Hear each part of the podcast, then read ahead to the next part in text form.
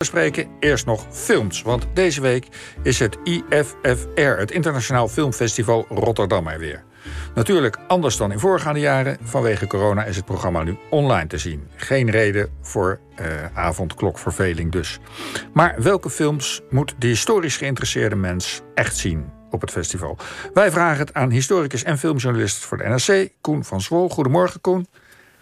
Goedemorgen. Ja, je hebt drie films voor ons uitgezocht. Eh, en van de eerste kunnen we een klein stukje laten horen. Ljudi idu tamo gdje je bezbjedno, to smo se dogovorili. Zeiden dat we de service niet moesten opnaaien. Start leaving the base in an orderly fashion. What is the point of having an ultimatum if you don't deliver? Colonel Karamans, they are killing people outside. What difference does it make whether the Serbs kill us or you do?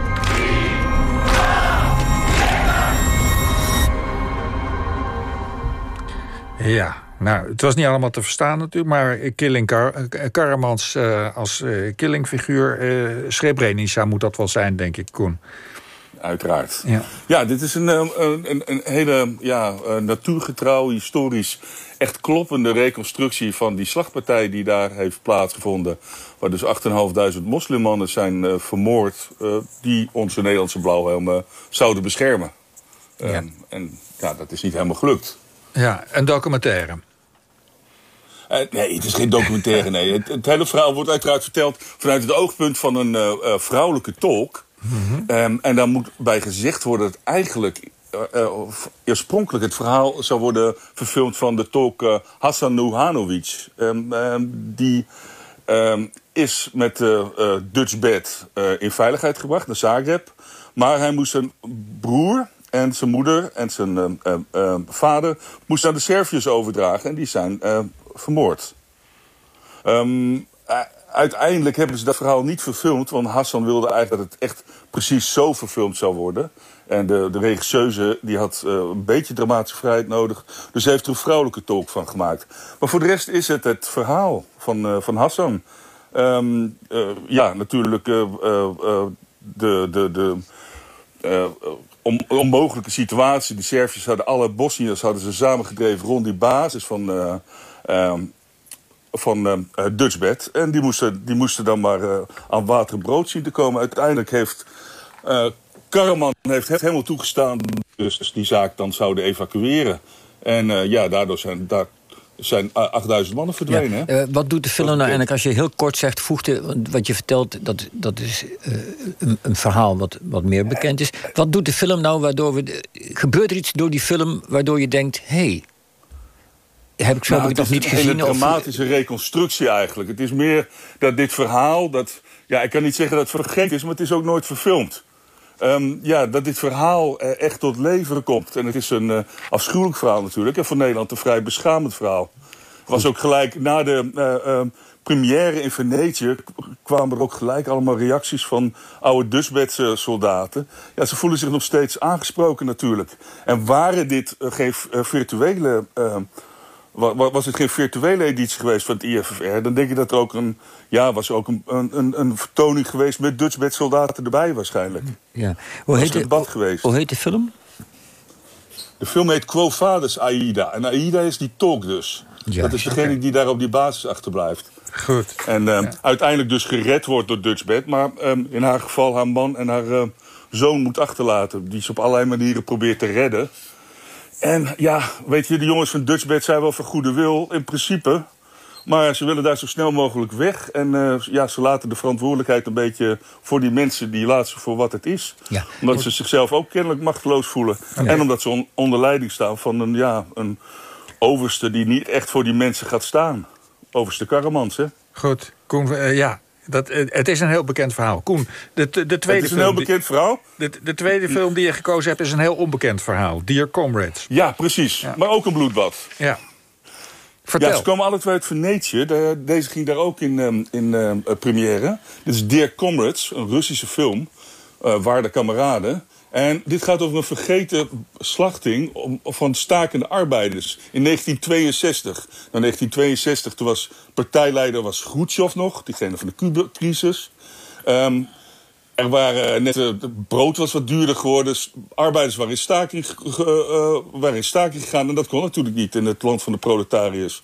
Dus die zijn in, in, ja, op een hele stieke manier zijn die, zijn die neergeschoten. Is die staking onderdrukt. En de lijken die zijn weggemaakt. Die werden namelijk in graven gegooid bovenop andere doodskisten. Dus geen haan die er naar kraaide. En uh, letterlijk zand erover, of in dit geval asfalt erover. Want het plein waar die slachting heeft plaatsgevonden... en het aantal dooien geschat varieert van 30 tot 100. En dat plein waar het allemaal gebeurd is, werd gelijk geasfalteerd... en een paar dagen later werd er een dansfeest gegeven. Dat is allemaal heel Russisch natuurlijk. Ja, is het ook een Russische film? Het is ook een Russische film. Um, en het interessante is alleen dat hij gemaakt is door een man die echt een... Uh, ja, Poetinist is wat te veel, want hij is 83, dus hij was er al veel langer. Maar echt iemand uit de Sovjet-elite en de Poetin-elite. Ja, ja. En toch heeft hij deze film gemaakt. Ja, ja, Ik probeerde me daar ook een beetje over te vragen. Van, uiteindelijk heeft de KGB, die is eigenlijk uh, de schuldige achter deze, deze uh, slagpartij. Want die zet allemaal scherpschutters op daken en geven daar het leger de schuld. Maar goed, dat is een interne affaire, zullen we maar zeggen. Maar ik, ik heb me natuurlijk in Venetië wel gevraagd... van wat denkt u dat Poetin nou voor zo'n film vindt? Want de KGB komt er nog niet goed, vanaf. Nou, maar en? Ja, uh, hij wuifde dat allemaal een beetje weg. Dat, uh, ja, hij bedoelde er helemaal niks politieks mee. Dit was meer een drama. En het is een schitterende film geworden. Het moet gezegd worden, want het hoofdpersoon is een partijlid... die dus alle voorrechten van de partij geniet. En die ochtends zegt van... Uh, keihard optreden tegen die stakers, schieten... Maar ja, dan blijft er eigen dochter in die menigte rond te lopen. Dus dan wordt het net een beetje anders. Ja, het dramatische kan het niet. De laatste film die je bespreekt, heb je ongeveer nog een minuut voor. Um, dus, ah, First Cow. Dus, Oké, dat is geschiedenis. Op pak even in één minuut waarom we die film moeten zien. Juist, dat is een schitterende film. En dat is echt geschiedenis op een geschiedenis. Want eh, dit gaat eigenlijk om een verhaal van dat ze twee skeletten vinden... die eigenlijk in elkaar verstrengeld zijn. Alsof ze warmte bij elkaar zoeken. En niemand weet hoe ze daar gekomen zijn. En dat verhaal wordt gereconstrueerd. Het gaat namelijk om twee uh, uh, ja, immigranten uh, die vrienden worden. En die besluiten een klein deeltje te doen. Want er, het is in Oregon in 1820. En er wordt voor het eerst wordt er een koe geïmporteerd. En ehm, door die koe stiekem s'nachts te melken... kunnen ze lekkere oliebollen maken. En daar worden ze rijk van, lopen ze binnen. De Amerikaanse droom dus. Maar ja, uiteindelijk loopt het uiteraard niet zoals ze gehoopt hebben, hadden. En het is echt een hele mooie, tedere... Ja, echt een hele mooie film. Ja. Uh, de maker ervan, Kelly Reiger, die is uh, eregast dit jaar. Maar ja, een virtuele eregast helaas. Ja. Een film over een ongewone uh, vriendschap, begrijp ik. En die, die, een ongewone vriendschap, ja. Die, die, nog, die, die nog niet in Nederland in première gaat. Nee, um, het is met die film een beetje... Um, Kijk, het is uh, covid-tijd, dus de cirkelen, die distributeurs cirkelen eromheen... en wachten tot hij wat goedkoper wordt. Want op dit moment kan je hem wel kopen, maar ja, je kan hem toch niet uitbrengen. Dus dan denken de meesten waarschijnlijk van... nou, het kan geen kwaad om nog even te wachten tot hij nog wat goedkoper wordt. Ja, kom, okay. wie, wie, wie kijken wil, hoe kom je aan een kaartje? Dat koop je digitaal, neem ik aan. Um, kijken is heel makkelijk. Um, je, je, je gaat naar de website van het IFFR en je koopt een kaartje voor de première. Dan wel een kaartje om hem 72 uur lang te kunnen zien.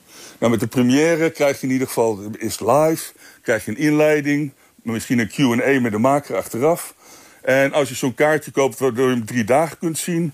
Uh, ja, dan, kan je dat, heb je dat ook, maar dan zie je dat later, zullen we maar zeggen. Goed. Maar uh, ja, uh, het zijn wel er zijn ontzettend veel films te zien die echt ontzettend interessant zijn. Het is niet zo... Um, ja, ik neem aan dat mensen met Netflix nu wel een beetje klaar zijn. Het aanbod van IFR is toch wel echt interessant. Koen, Bedankt. dankjewel. Ja, en wie